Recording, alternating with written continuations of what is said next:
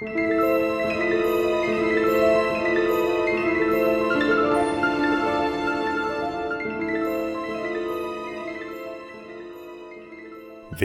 til Forlæst, podcasten, hvor vi lytter os tilbage i tiden på jagt efter de fortællinger, som stadig kan vækkes til live. Mit navn er Bjarke Sølverbæk, og jeg er din rejsefører gennem den dansksprogede litteraturhistorie.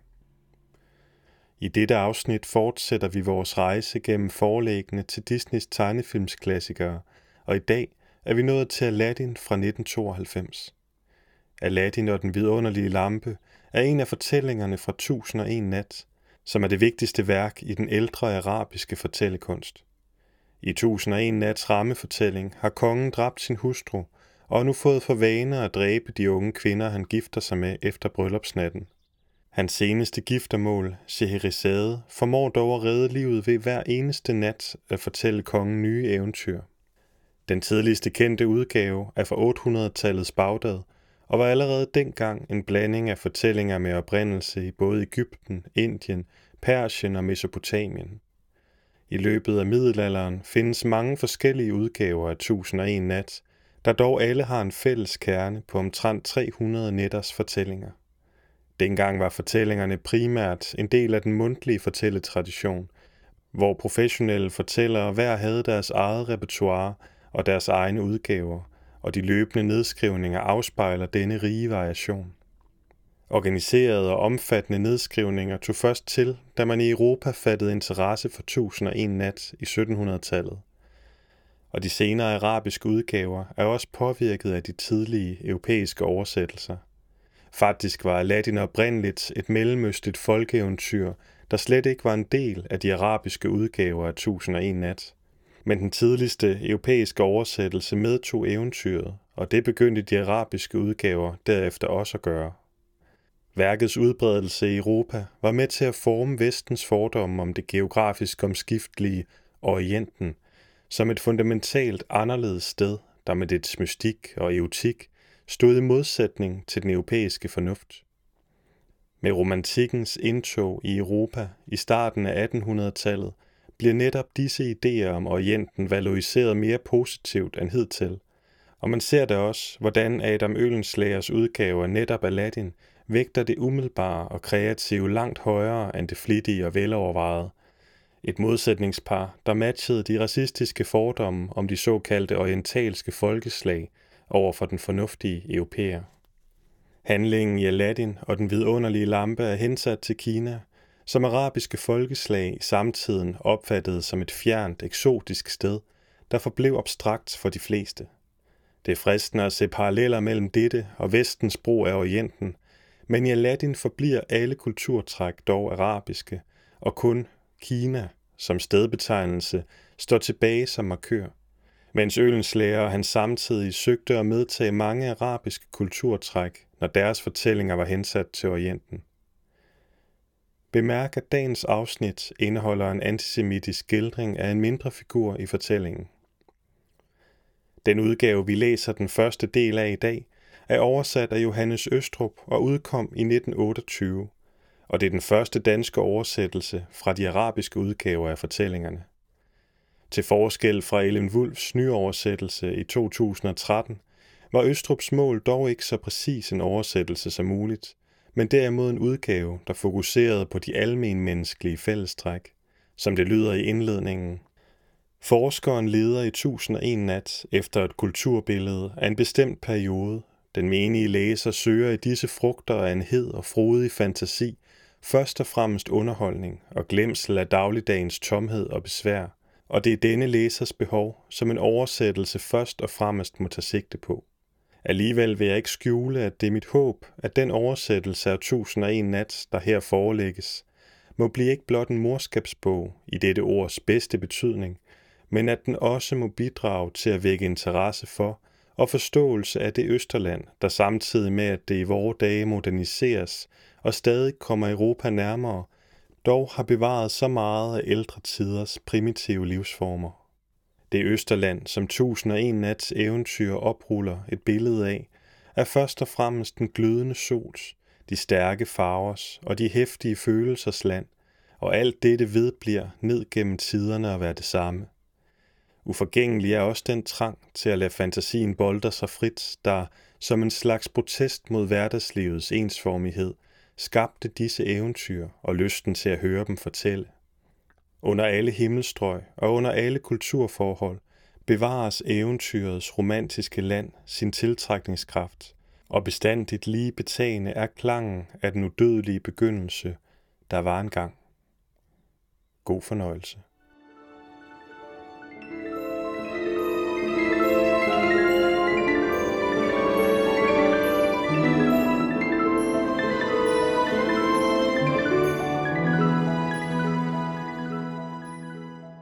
Fortælling om Aladdin og den vidunderlige lampe. Det fortælles, at der i en by i Kina engang levede en fattig skrædder, som havde en søn ved navn Aladdin. Denne var lige fra lille af en doven og stridig knægt. Da han var 10 år gammel, ville hans fader, at han skulle sættes i lære, men da han ikke havde råd til at betale for hans undervisning, tog han ham ind i sit eget værksted, for at han kunne lære skrædderhåndværket. Men sønnen var doven og vant til altid at løbe og lege med drengene på gaden, og så ofte som hans fader gik ud for at besørge nogle forretninger, løb Aladdin sin vej og tumlede sig ud omkring med sine ligesindede kammerater, uden at bryde sig om sin faders befalinger og uden at tænke på at lære noget. Hans fader blev så bedrøvet over sin søns dårlige opførsel, at han blev syg og døde. Men Aladdin vedblev alligevel på sin gamle maner. Da hans moder nu så, at sønnen ikke kunne være hende til nogen hjælp efter mandens død, solgte hun værkstedet med alt tilbehør og gav sig til at spænde for derved at fortjene føden til sig og sønnen. Til denne, der nu var sluppen for faderens strenge opsigt, fremturede stadig i sin dogenskab, færdedes altid ude og kom aldrig hjem, uden når han ville have noget at spise. Dette varede nu ved, indtil Aladdin blev 15 år. Da hente det en dag, da han som sædvanlig løb ude og legede med sine kammerater, at der kom en dervish fra Afrika gående. Da han så drengene, stansede han for at more sig over deres leg, men særligt tiltrak Aladdin sig hans opmærksomhed. Nu må man vide, at denne dervish var en stor troldmand, der ved sine magiske kunster endnu kunne flytte bjerge, og som til lige kunne læse folks karakter i deres ansigt. Da han en tid lang havde betragtet Aladdin, sagde han til sig selv, nu har jeg vist fundet, hvad jeg behøver. En sådan knøs var det netop, som jeg ledte efter. Derpå forhørte han sig hemmelig hos en af drengene om, hvem Aladdin var, og om alle hans forhold, og da han havde fået tilstrækkelig besked, gik han hen og hilste på Aladdin og sagde til ham, Hør, min søn, var din fader ikke skrædder? Jo, svarede denne, men nu er han død. Gud glæde hans sjæl.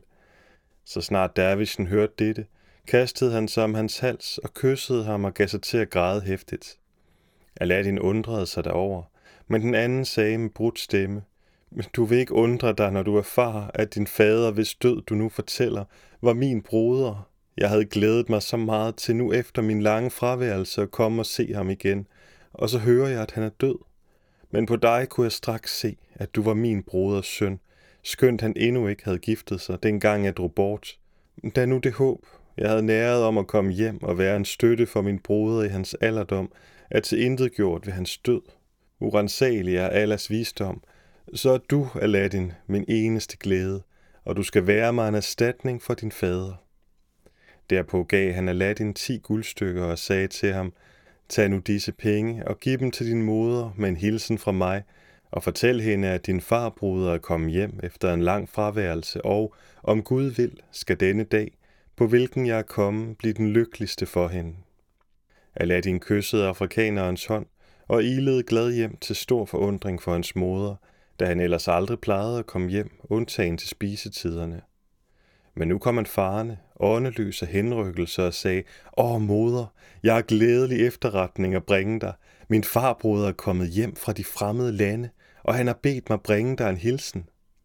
Men moderen svarede, Hør, min søn, vil du holde mig for nar med den snak om din farbroder? Hvor skulle du vel få en farbroder fra? Jamen moder dog, vedblev Aladdin. Hvordan har du kunne sige, at jeg slet ingen slægtninge havde? Han har jo både kysset og omfavnet mig, og han græd, da jeg fortalte ham faders død.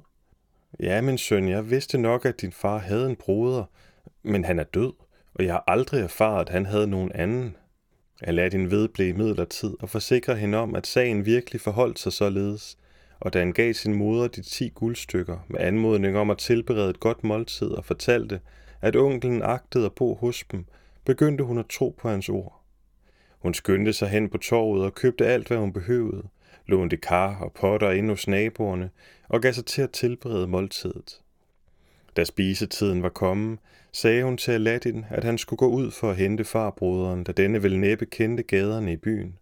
Men lige da Aladdin skulle afsted, bankede det på døren, og ind trådte den afrikanske troldmand, fuldt af en slave, der medbragte vin og frugter.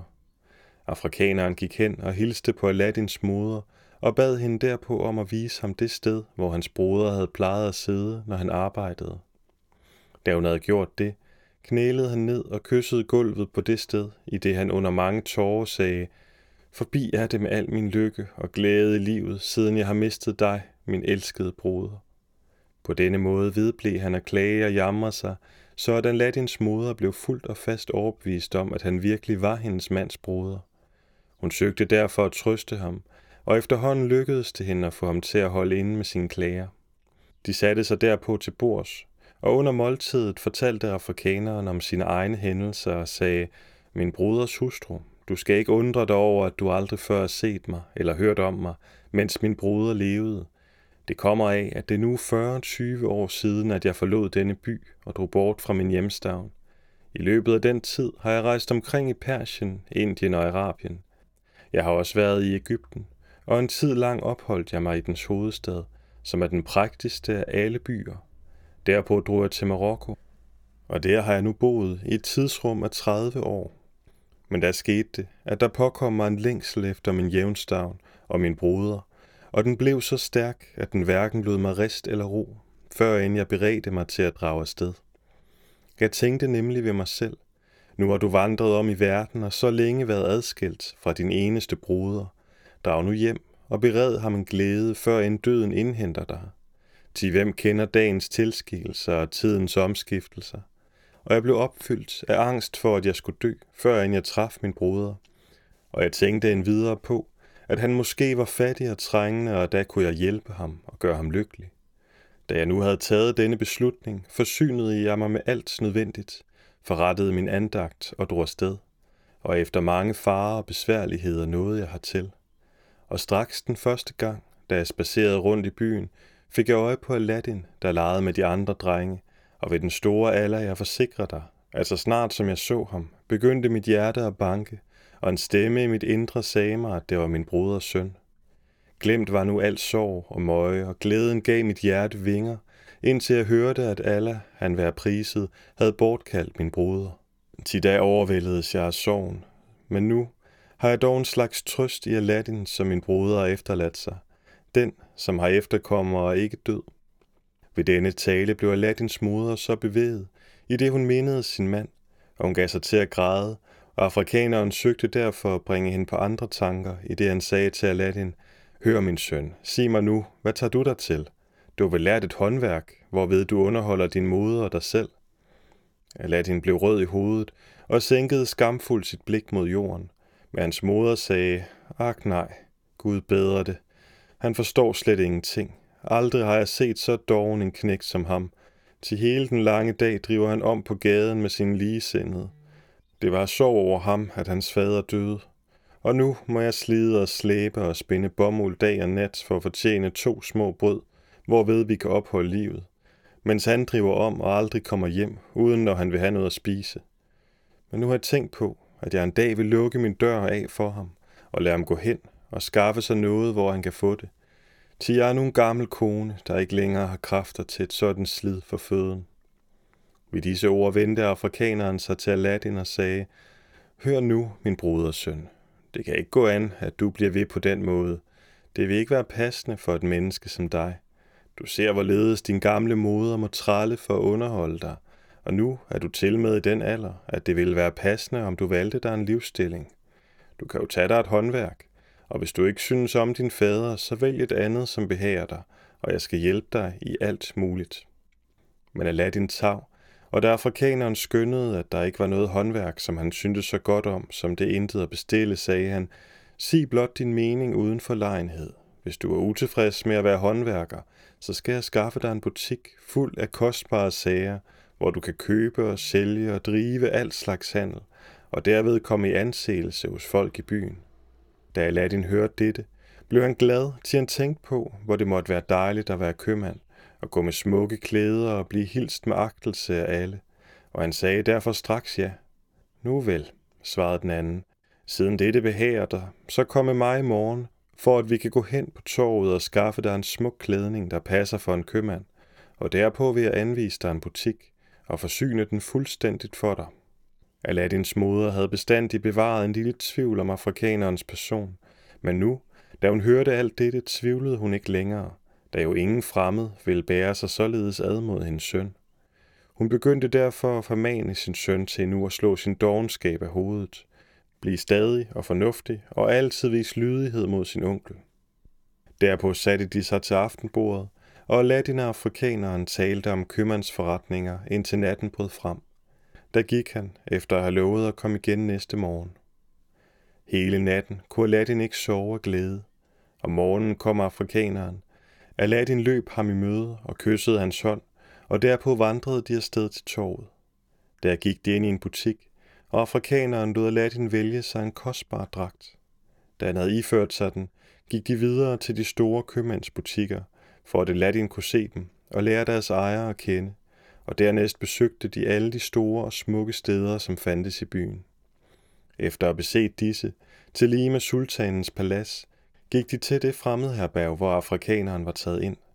Der forestillede han sin brodersøn for de tilstedeværende fremmede købmænd og satte sig derpå til bords med ham imellem dem. Da han bagefter fulgte Aladdin hjem, og dennes moder så sin søn i den prægtige dragt, fuldstændig som en købmand, løb det næsten rundt for hende, og hun udbrød i taksigelse over hendes svogers gavmildhed. Det er ikke noget at takke for, svarede den anden. Aladdin er jo min slægtning, og jeg står ham i faders sted. Ja, sagde hun, jeg vil bede alle om at beskytte og bevare dig og forlænge dit liv, for at du kan være en støtte for dette faderløse barn, og det lover jeg, at bestandig skal han være der hørig og lydig, og aldrig gøre andet, end hvad du vil have. Aladdin, sagde den anden, er en god og fornuftig knøs, og det er mit håb, at han vil træde i sin faders fodspor og blive en glæde for sin moder. Kedeligt er det, at det i morgen er fredag, så at jeg ikke kan skaffe ham sin butik, til om fredagen tager alle købmændene ud til deres haver og landsteder, men om Gud vil, skal vi bringe sagen i orden på lørdag. I morgen vil jeg komme og hente Aladdin til en spaceretur til haverne uden for byen, for at han kan se de steder, hvor de fornemme folk morer sig, og til lige skaffe sig bekendtskaber imellem disse. Om natten lå Aladdin og tænkte på sine nye klæder og på al den herlighed, som han havde prøvet og set, og på det, som han skulle få at se den næste dag, og af glæde lukkede han ikke et øje. Og straks om morgenen, da han hørte sin farbroder komme, fløj han op som et lyn for at lukke ham ind. Afrikaneren kyssede og kærtegnede Aladdin og sagde, Nå, i dag skal du få noget at se, som du aldrig har set før. Aladdins ansigt strålede af lutter smil og solskin, og afsted vandrede de derpå ud gennem byens port. Uden for staden lå der dejlige haver og lyststeder og pragtfulde paladser, og hver gang de kom til et sådan, stansede afrikaneren for at give Aladdin, der var i den syvende himmel af glæde og henrykkelse, tid til ret og beundre det. Da de havde gået så længe, at de var blevet trætte, gik de ind i en meget smuk have med et springvand, hvor vandet flød ud af løvehovedet af gul kover. Der satte de sig på kanten af bassinet og hvilte sig, mens Aladdin lå og spøgte med sin foregivende farbroder. Denne fremtog af en pose, der hang ved hans bælte nogle kager og frugter, og bad Aladdin tage for sig af retterne.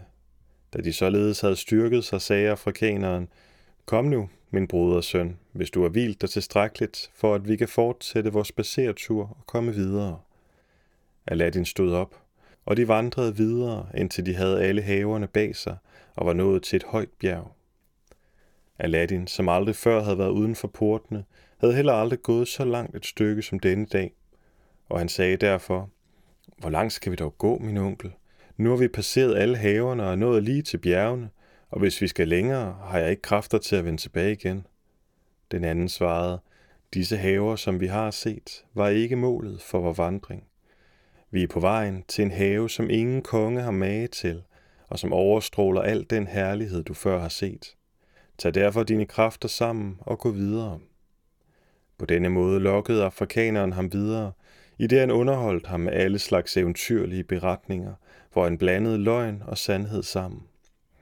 Endelig nåede dit det sted, som havde været målet for den afrikanske troldmands lange rejse fra det yderste vesten og lige til Kina. Der stansede han og sagde, sæt dig nu og hvil dig lidt. Nu er vi ved målet. Nu skal jeg med Guds hjælp vise dig noget så vidunderligt, som endnu aldrig nogen har set, og føre dig ind, hvor aldrig nogen har været. Lidt efter sagde han, når du har hvilt dig lidt, så gå hen og samle noget tørt ved og kvæs, for at jeg kan føre dig ind i vidundernes verden. Ved disse ord glemte Aladdin sin træthed. Han sprang op og samlede en fart en stor bunke ris og kvæs, indtil afrikaneren sagde, at det var nok. Derpå fremtog denne en lille pose med noget pulver, som han kastede på ilden, i det han mumlede nogle uforståelige ord. Øjeblikkeligt skælvede jorden og åbnede som et brag.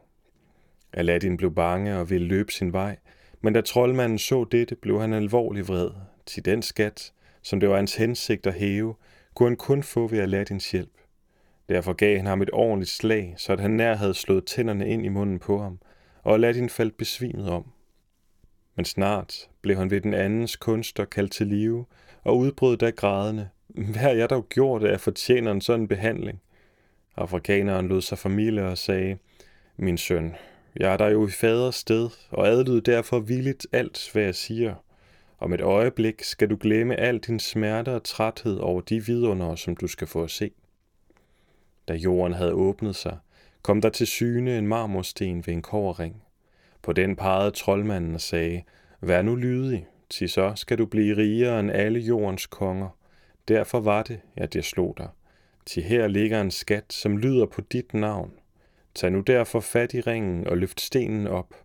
Intet andet menneske kan nemlig løfte den end du, og ingen anden kan træde ind i dette skatkammer, da skatten kun er bestemt for dig.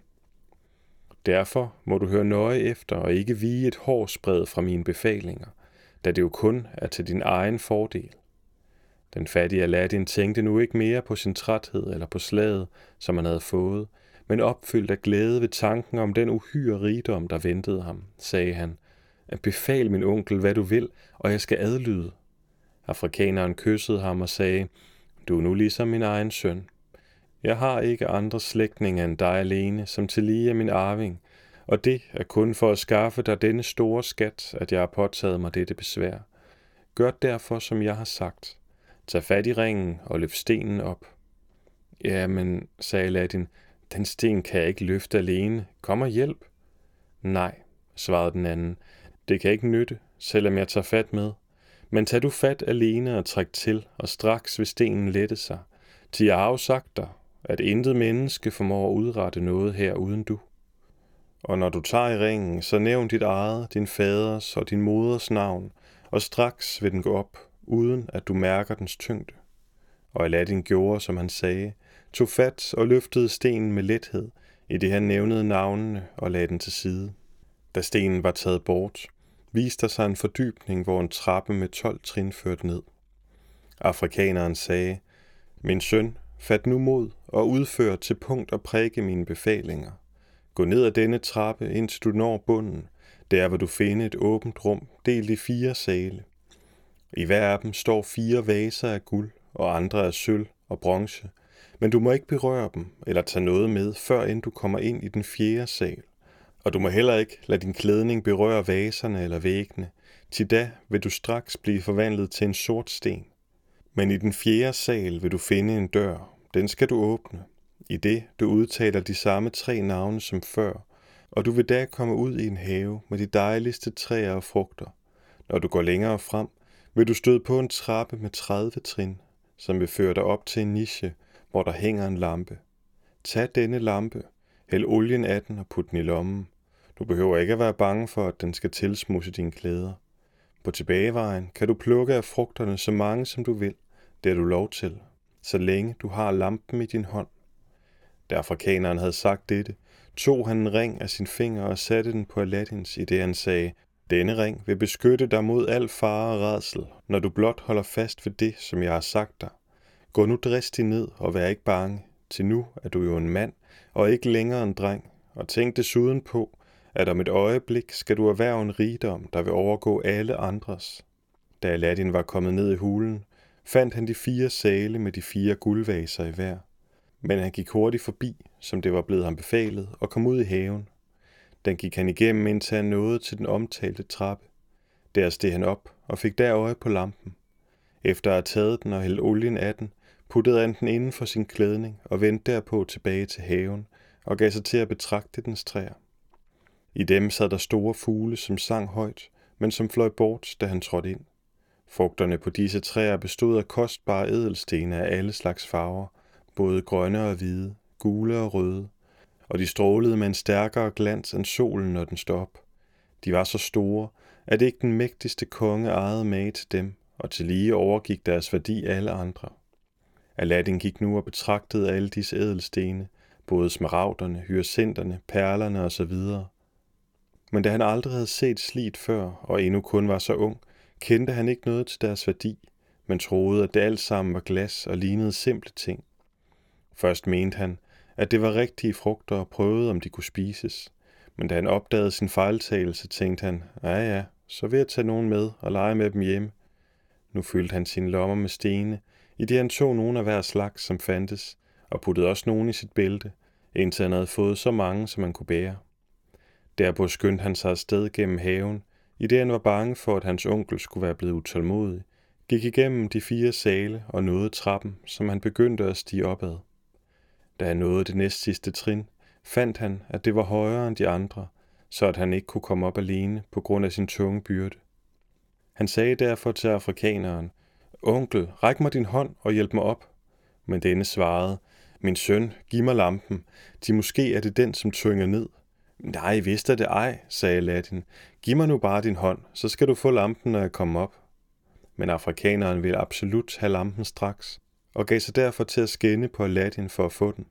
Men denne havde puttet lampen ind på brystet, og de tunge poser med ædelsten lå ovenpå, så at han ikke kunne få hånden ind til den. Da Aladdin så, at hans onkel ikke ville hjælpe ham, blev han vred og troede med, at han ikke ville give ham lampen, når han kom op, uden at det dog virkelig var hans mening at udføre denne trussel. Men da afrikaneren hørte dette, betog forbitrelsen ham. Han støttede Aladdin tilbage i hulen og udtalte et par trylleord, i det han kastede noget af sit pulver på ilden. Øjeblikkeligt lukkede hulen sig, og stenen faldt ned i sit gamle leje, og jorden gled hen over den og bedækkede den, så at det hele så ud ligesom før, og Aladdin var således levende begravet. Som det allerede er fortalt, var denne afrikaner slet ikke Aladdins farbroder, men en troldmand, som under dette påskud havde trængt sig ind hos ynglingen, for ved hans hjælp at vinde lampen. Han var fra en af de byer i Afrika, hvor kendskabets trolddomskunster altid har været udbredt, og lige fra sin barndom havde han syslet dermed. Da han i omtrent 40-20 år havde givet sig af med grænskninger og besværgelser, kom det til at stå klart for ham, at der et sted i Kina lå en by ved navn Kulas, og at der ved denne by lå en uhyre skat begravet, hvis vigtigste stykke var en vidunderlig lampe af den beskaffenhed, at dens ejermand i magt og rigdom overgik alle mennesker på jorden, så at end ikke nogen fyrste kunne måle sig med ham. Til lige havde han erfaret, at denne skat kunne hæve sig en fattig yngling ved navn Aladdin, der boede i den samme by. Så snart han havde erhvervet sig denne kundskab, havde han straks uden betænkning begivet sig på rejsen til Kina, og der vundet Aladdin for sig, således som det er fortalt. Men da nu hans foretagende strandede, og hans forhåbninger glippede, tog han den beslutning at slå Aladdin ihjel, og lod derfor hulen lukke sig over ham, til lige for at lampen ikke skulle komme op på jorden og falde i andres hænder.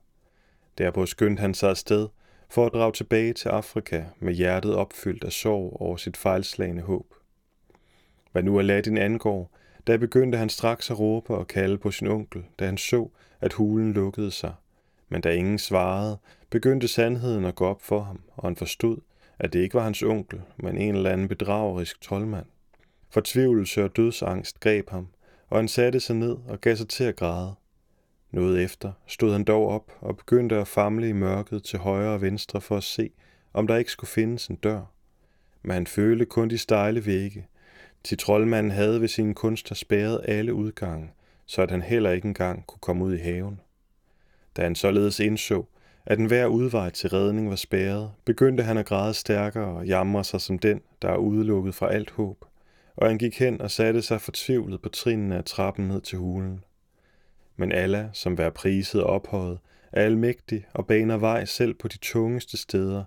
Dengang troldmanden lod Aladdin gå ned i hulen, havde han sat sin ring på hans finger, for at denne kunne beskytte ham mod al slags nød og holde faren borte fra ham. Og dette havde Allah med således, at den kunne blive et middel til Aladdins befrielse. Til mens han sad der og græd og jamrede sig og vred sine hænder, påkaldte han Allah og sagde, Jeg vidner, at der ikke er nogen Gud uden dig alene. Du er mægtig og ophøjet. Du er den, der bringer mennesket døden, og den, der kalder dem til livet. Du befrier fra al sorg og nød, og til dig alene sætter jeg mit håb, og jeg vidner, at Muhammed er din tjener og profet, hvem du har givet magt til at frelse mig fra det onde. Men i det han sagde dette, og vred sine hænder, kom han til at gnide på ringen, og øjeblikkeligt stod der en ånd foran ham og sagde, Se, din tjener står for dig. Hvad ønsker du af mig? De er reddet til at tjene den, på hvis hånd den ring sidder, som du nu bærer. Aladdin så på ham, uden at blive forfærdet, og da han hørte hans ord, kom han øjeblikkeligt til at tænke på, hvad troldmanden havde sagt, da han gav ham ringen, og han blev glad og tryg og sagde, Du tjener af ringens herre, jeg ønsker, at du bringer mig op på jordens overflade. Knap var ordet udtalt, før jorden revnede, og han stod på dens overflade, efter at han i tre dage havde siddet i hulens mørke. Han blev derfor så blændet af lyset, at han ikke kunne tåle lysets stråler, men måtte lukke øjnene, og først nogen tid efter kunne begynde at åbne dem lidt efter lidt. Da Aladdin igen kunne se sig om, undrede han sig over, at han slet ikke kunne opdage noget spor af indgangen til hulen, og han troede derfor, at han var på et fremmed sted. Men da han så rigtigt til, genkendte han stedet, hvor de havde tændt bålet, og hvor troldmanden havde stået og udtalt de magiske ord, og ved at vende sig om, fik han øje på haverne og på vejen, af hvilken de var kommet. Han bragte derfor sin tak til Allah, som havde frelst ham fra den død, der havde syntes ham så vis, og begav sig på hjemvejen, og endelig nåede han staden og sit hjem. Straks ilede han ind til sin moder, men han var så overvældet ved tanken om alt, hvad han havde lidt, og ved glæden over gensynet, at han sank bevidstløs til jorden. Hans moder havde været bedrøvet på grund af sin søns udeblivelse, men nu, da hun atter så ham, fyldtes hendes hjerte af glæde. Dog blandedes den med skræk, da hun så hans tilstand. Derfor tog hun straks noget vand og stænkede ham i hovedet, løb ind til naboen og hentede noget rosenvand, som hun lod ham lugte til, og efterhånden lykkedes det hende at få liv i ham. Det første Aladdin gjorde, var at forlange noget at spise, da han i tre dage intet havde fået. Og straks kom hans moder med alt, hvad hun havde, og sagde, spis nu, min søn, og hvil dig, og når du føler dig styrket, så fortæl mig, hvad der er hændet dig. Men giv dig bare god tid. Jeg skal ikke plage dig med mine spørgsmål nu, da du er så udmattet. Da Aladdin atter var kommet til kræfter, begyndte han sin fortælling og sagde, jeg kunne egentlig beklage mig over dig, moder, fordi du således fuldstændig overlod mig til denne mand, hvis eneste formål det var at slå mig ihjel. Og vid, at hvis ikke Allah, han var priset, havde frelst mig, ville det nu have været ude med mig. Vi troede på denne mand, på grund af hans mange løfter og al den omhu, han viste mig, men tænk dig, i virkeligheden var det en ond og bedragerisk og slet og nedrig troldmand, som jeg tror, at der end ikke blandt djævlene under jorden findes mage til.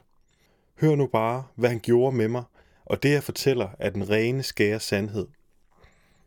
Derpå aflagde Aladdin en udførlig beretning om alt, hvad der var hændet ham med troldmanden, lige fra det øjeblik, da de havde forladt moderens hus, i det han i sin skildring end ikke forbigik de mindste småting.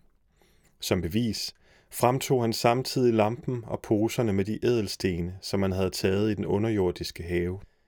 Da Aladdin havde endt sin fortælling, udbrød hans moder, Ja, visselig, min søn, denne mand, som jeg virkelig anså for din faders broder, må være en ond bedrager og troldmand, og priset være Allah, som frelste dig fra hans list og svig.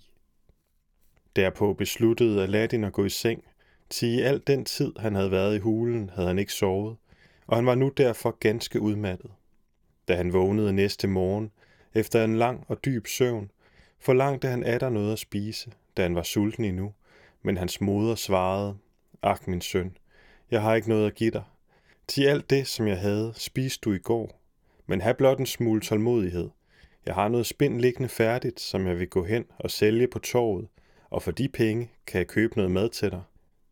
Nej, moder, sagde Aladdin.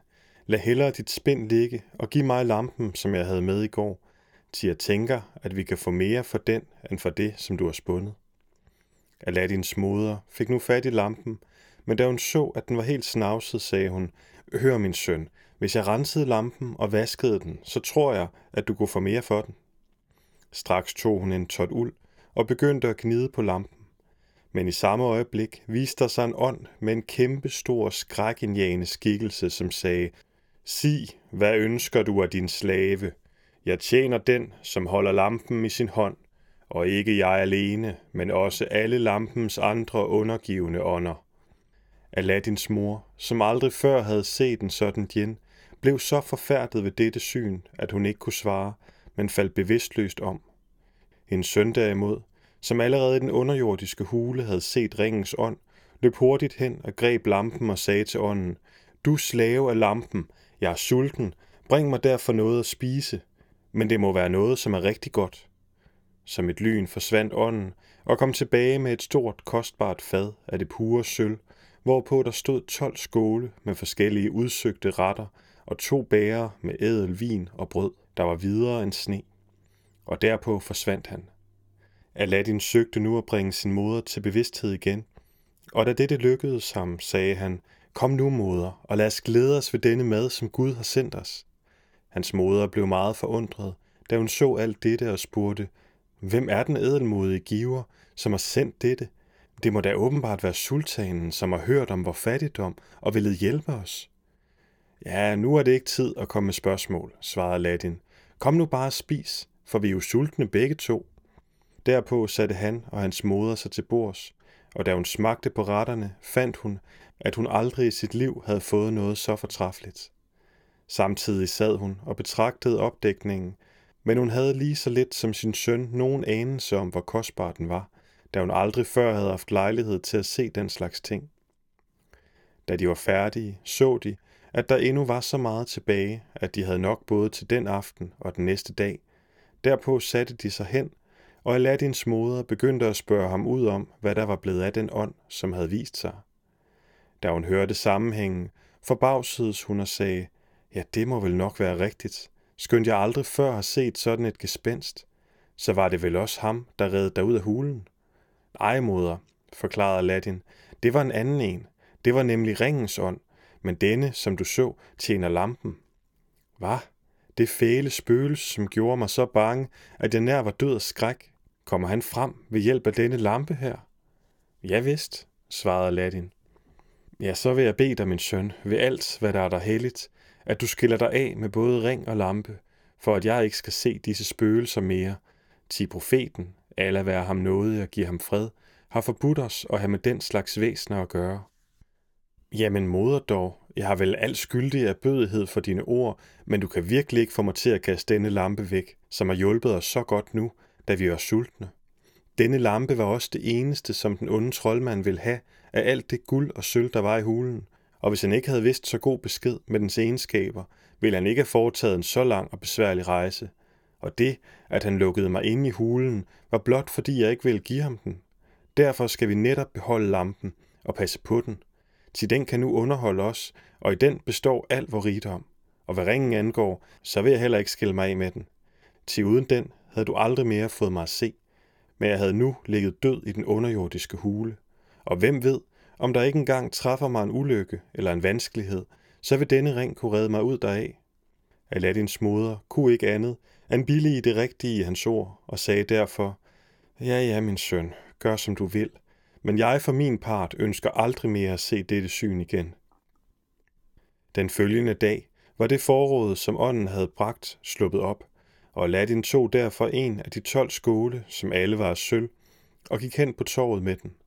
Der traf han en jøde, en rigtig gammel snyder, hvem han dog uden betænkning viste skålen. Straks trak jøden ham med hen i en krog, og efter at have undersøgt den nøje, sagde han, Ja, hvor meget vil I have for den her? Du må selv bedst vide, hvor meget den er værd, svarede Aladdin. Jøden var meget forlegen, til han vidste ikke rigtigt, om Aladdin virkelig havde nogen forstand derpå, og om han skulle byde ham lidt eller meget. Men da han efterhånden begyndte at mærke Aladdins uvidenhed, tog han et guldstykke op af lommen og gav ham.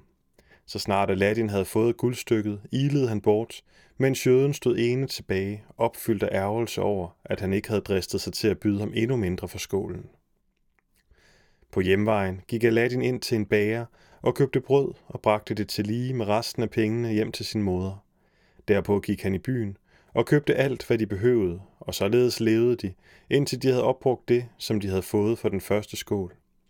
Så tog han den næste og bragte den til jøden, som købte dem alle.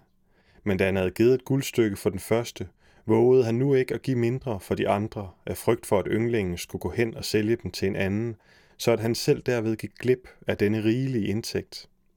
Således blev Aladdin ved, indtil alle tolv var væk, og kun fadet var tilbage.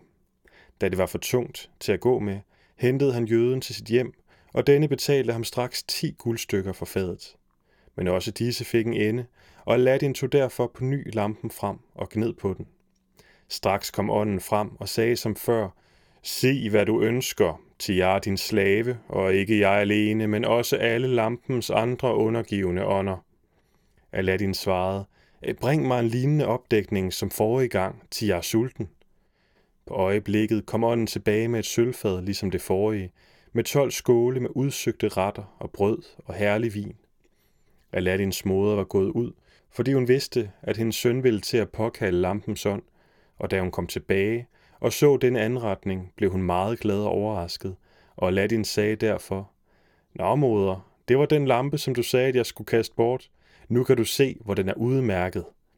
Ja, min søn, svarede hun, Gud har forøget sin godhed imod os, og det er derfor heller ikke min mening at skyde den fra mig. Herpå satte de sig til bords og spiste og drak, og det gik ligesom forrige gang, at de fik så meget til overs, at der var nok også til den næste dag. Da nu også dette var sluppet op, tog Aladdin igen en skål og gik med den hen for at opsøge jøden og sælge den til ham. Men tilfældigvis kom han forbi en butik, hvor der boede en gammel guldsmed, en ærlig og retskaffen mand. Da denne fik øje på Aladdin, løb han ud og kaldte på ham og sagde, Min unge ven, jeg har oftere set dig gå her forbi, og jeg har bemærket, at du handler med en jøde, og jeg tror, at det er også nu ham, som du går og leder efter. Men du må vide, at alle jøder anser det for tilladeligt og snyde også rettroende muslimer. Og denne her er netop en af de værste kæltringer. Vis mig, hvad det er, som du vil sælge ham, og jeg forsikrer dig, at jeg skal give dig for det alt, hvad det er værd. Aladdin viste ham skålen, og da han havde set på den, sagde han, er det den slags, som du har solgt ham? Ja, akkurat. Men dertil. Og hvad har du fået for dem? Et guldstykke? Da den gamle guldsmed hørte dette, udbrød han, ej, se dog, hvilken tyveknægt. Han har som en bedraget dig til gavns. Til skålen er det fineste sølv, og ifølge dens vægt er den 70 guldstykker værd, og hvis du vil sælge den for det, så tag pengene. Aladdin tog dem, og takkede ham for hans uegennyttighed, og i den følgende tid henvendte han sig altid til ham, når han ville af med en af skålene. Skønt Aladdin og hans moder nu var blevet så rige, vedblev de dog at leve på deres gamle måde, uden at tillade sig nye overdådige udgifter. Kun hørte Aladdin nu op med at løbe og lege med drengene, og begyndte at søge dannede mænds selskab. Hver dag gik han hen på torvet og talte med købmændene, både de gamle og de yngre, om deres forretninger og prisen på deres varer og lignende. Særligt færdedes han blandt guldsmedene og juvelererne, og betragtede de forskellige slags ædelstene, som blev købt og solgt. Og derved kom han til kundskab om, at de to poser med frugter af træerne i hulen ikke indeholdt glas eller lignende, men at det var ædelstene, så kostbare og prægtige, at ingen konge ejede magen til dem. Til når han betragtede alle de ædelstene, som fandtes hos juvelererne, så han, at end ikke de største kunne måle sig med de mindste af hans. Således vedblev han at omgås disse købmænd, og han begyndte at gøre sig afholdt af dem, så at de fortalte ham alt muligt om deres forretning og lignende. Da træffede sig en morgenstund, da han efter sædvanen ville begive sig hen til torvet, at han på vejen mødte en udråber, der gik rundt og råbte, Hans Majestæt Sultanen kun gør herved, som sin vilje, at alle folk skal lukke deres boder og butikker og holde sig inde i deres huse, fordi prinsesse Badral Badur, sultans datter, ønsker at begive sig til badet. En hver, som er denne befaling overhørig, vil blive straffet med døden. Da Aladdin hørte dette, påkom der ham en ubetvingelig lyst til at få sultanens datter at se, da han altid havde hørt alle folk prise hendes skønhed og ynde. Og han besluttede derfor at gå hen for at stille sig bag ved døren til badet, for om muligt på denne måde at få hende at se, når hun kom. Øjeblikkeligt ilede han afsted og stillede sig bag ved døren på en sådan måde, at han ikke kunne opdages og ventede der. Så snart sultanens datter, der havde været tilsløret, mens hun gik gennem byens gader, var kommet hen til badet, slog hun sløret til side, og hendes ansigt kom til syne og strålede som den opgående sol, eller som en skinnende ædelsten. Om hende siger digteren, hendes øje har en trolddom, som man ej forstår, og roser blomstrer frem på hendes kinder, og nattens sorte mørke dækker hendes hår, men for pandens klare dagslys det forsvinder. Da Aladdin så prinsessen uden slør, sagde han ved sig selv, Sandelig, dette er et af naturens mesterværker. Lovet være Allah, som har frembragt noget så smukt og yndefuldt. Og med det samme forvirredes hans tanke fuldstændig, og hans hjerte blev grebet af den dybeste kærlighed. Da han kom hjem, var han endnu fuldstændig åndsfraværende på grund af dette syn, og hans moder sagde derfor til ham, Hvad der hændede dig, min søn? Sig mig, hvad er der i vejen? Til du er slet ikke, som du plejer at være. Men Aladdin, der tidligere havde troet, at alle kvinder så ud som hans moder, og som nu så pludselig havde erfaret, hvad skønhed var, bad blot om at få lov til at være i ro. Hans moder trængte ind på ham for at få ham til at nyde noget, men han spiste kun lidt og begav sig derpå til hvile, i det han tænkte at finde fred i søvnen. Hans moder blev ved denne opførsel alvorligt bekymret, i det hun troede, at han var syg, og hun sagde derfor den næste dag, Hør min søn, sig mig nu, hvad der fejler dig. Jeg har nemlig hørt, at der på sultanens opfordring er kommet en berømt læge hertil fra Arabien, og hvis du nu er syg, så vil jeg gå hen for at hidkalde ham. Men Aladdin svarede, Nej, moder, jeg er fuldstændig rask og fejler intet, men jeg havde altid troet, at alle kvinder så ud som du, indtil jeg i går så sultans datter, prinsesse Badr al-Badur. Derpå fortalte han, hvorledes det hele var gået til – hvorledes han havde hørt udråberens bekendtgørelse og havde stillet sig op bag døren og fået prinsessen at se, da hun slog sløret til side. Og, sluttede han, siden har jeg set hende, er mit hjerte blevet grebet af kærlighed og en brændende atro efter hende, og jeg kan ikke leve, hvis jeg ikke får hende. Jeg har derfor besluttet at bede hendes fader sultanen om hende, således som skik og brug er. Da hans moder hørte dette, sagde hun, Du må have mistet din forstand, min søn. Tal nu dog fornuftigt, og ikke sådan noget vanvittigt snak. Ej, moder, svarede Ladin, jeg er ikke gal, og alt hvad du end vil sige, kan ikke rokke min beslutning. Min fred er forbi, hvis jeg ikke får prinsessen, og derfor vil jeg fri til hende hos sultanen. Åh, min søn, jeg besværger dig. Lad dog endelig ingen få sådan ord høre, men lad hellere alt dette fare. Selvom det virkelig også er din oprigtige mening, så ved jeg ikke, hvorledes du vil bære dig ad dig med. Ved din hjælp, kære moder. Det var min hensigt, at du skulle frembære dette frieri for mig. Nej, Allah bevar mig derfor. Så kaler jeg endnu ikke blevet. Tænk dog på, at din fader var den ringeste og fattigste skrædder i hele byen. Og jeg, din moder, er heller ikke rigere, og så vil du fri til datteren af vores sultan, som ikke engang vil nøjes med prinser til svigersønner, undtagen de hans jævnbyrdige magt og ære. Aladdin hørte tålmodigt efter, indtil hans moder var færdig. Men så sagde han, ja, kære moder, det ved jeg alt sammen meget godt, at jeg er af fattig slægt, men det kan ikke forandre min beslutning, og det er mit håb, at du vil hjælpe din søn heri. Til ellers mister du mig, da døden er mig vis, så fremt jeg ikke når det mål, min kærlighed har sat sig. Da hans moder hørte dette, græd hun og sagde, Ja, min søn, du er jo mit eneste barn, og jeg vil sikkert hjælpe dig i alt. Men sæt nu, at jeg kom for fri for dig hos en eller anden, så vil de straks spørge, om du drev noget håndværk eller handel, eller havde jord, som du kunne leve af, og hvad skulle jeg så svare? Og når det vil gå sådan med vores ligemænd, hvordan skal jeg så bære mig ad over for Kinas sultan, som er den største og mægtigste? Jeg er sikker på, at når jeg kommer med denne tale for sultanen, vil det blive en farlig sag for os. Måske bliver vi endnu slået ihjel begge to. Hvordan skulle jeg vel få dristighed nok under sådanne farer til at fremkomme med et sådan frieri? De må tro, at jeg er gal, når de hører, hvad jeg vil. Ja, jeg ved nok, at sultanen er noget i herre, der ikke er dem bort, som kommer til ham med deres bønder og tager deres tilflugt til ham, og han belønner dem, som har gjort sig fortjent ved at forsvare hans land i krigen og den slags. Men hvad har du vel udrettet for sultanen eller for landet, som kunne berettige dig til en sådan belønning? Og det er sandt, en hver, som kommer med en eller anden anmodning til sultanen, er forpligtet til at bringe en gave, som passer for hans majestæt. Hvordan vil du bære dig ad med at stå frem og fri til hans datter, når du ikke engang har en passende foræring at bringe ham? Moder, moder, det ved jeg nok. Det ved jeg godt alle sammen. Men kærligheden har nu engang slået rod hos mig, og på anden måde får jeg aldrig fred. Men en ting var der dog, som du huskede mig på, og som jeg havde glemt. Du sagde, at jeg ikke havde nogen foræring at bringe sultanen. Men nu skal jeg fortælle dig, at jeg har en skat, som ingen konge har magen til. Du må nemlig vide, at de stene, som jeg havde med fra den underjordiske have i de to poser, ikke er glas, som jeg først troede, men er det lutter ædelstene. Det har jeg fået at vide ved at færdes på torvet hos juvelererne, hvor jeg har set alle de ædelstene, som blev købt og solgt.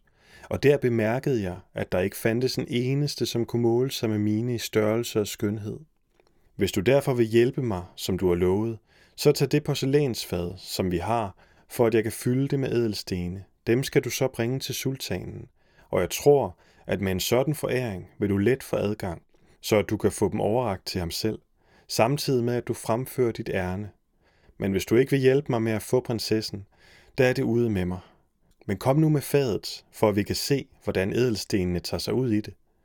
Aladdins moder stod nu op og hentede fadet, og han fyldte det derpå med en mængde forskellige slags ædelstene, så at glansen af dem næsten helt blændede hans moder. Og skønt hun ikke rigtig ville tro på hans udsagn om deres umådelige værdi, syntes hun dog, at det var en sådan sjældenhed, at de godt kunne passe for sultanen. Aladdin forsikrede om deres kostbarhed, og om at sultanen ville overøse hende med ære i anledning af en sådan gave.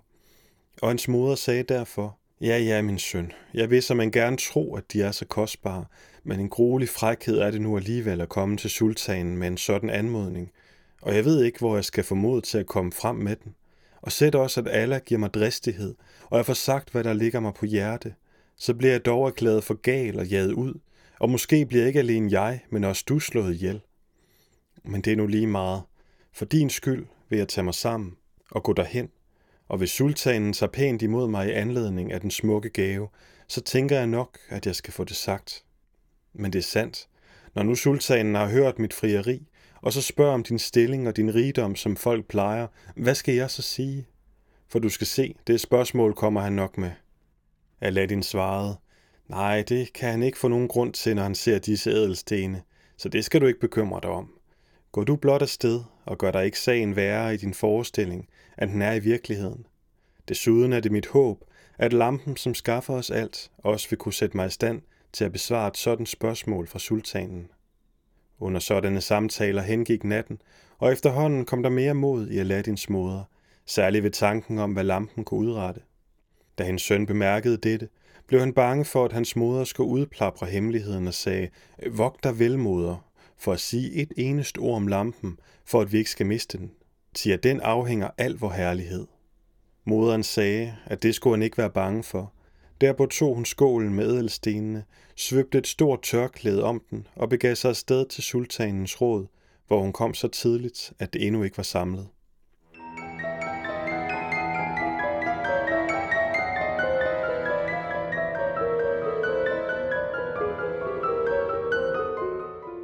Tak fordi du lyttede til dette afsnit af Forlæst. Hvis du vil vide mere om 1001 nat eller Johannes Østrup, kan du læse mere på forlæst.dk. Her kan du også skrive til mig, hvis du har kommentar til afsnittet eller har forslag til, at vi skal læse i fremtiden. Næste gang læser vi anden del ud af tre af fortællingen om Aladdin og den vidunderlige lampe fra 1001 nat.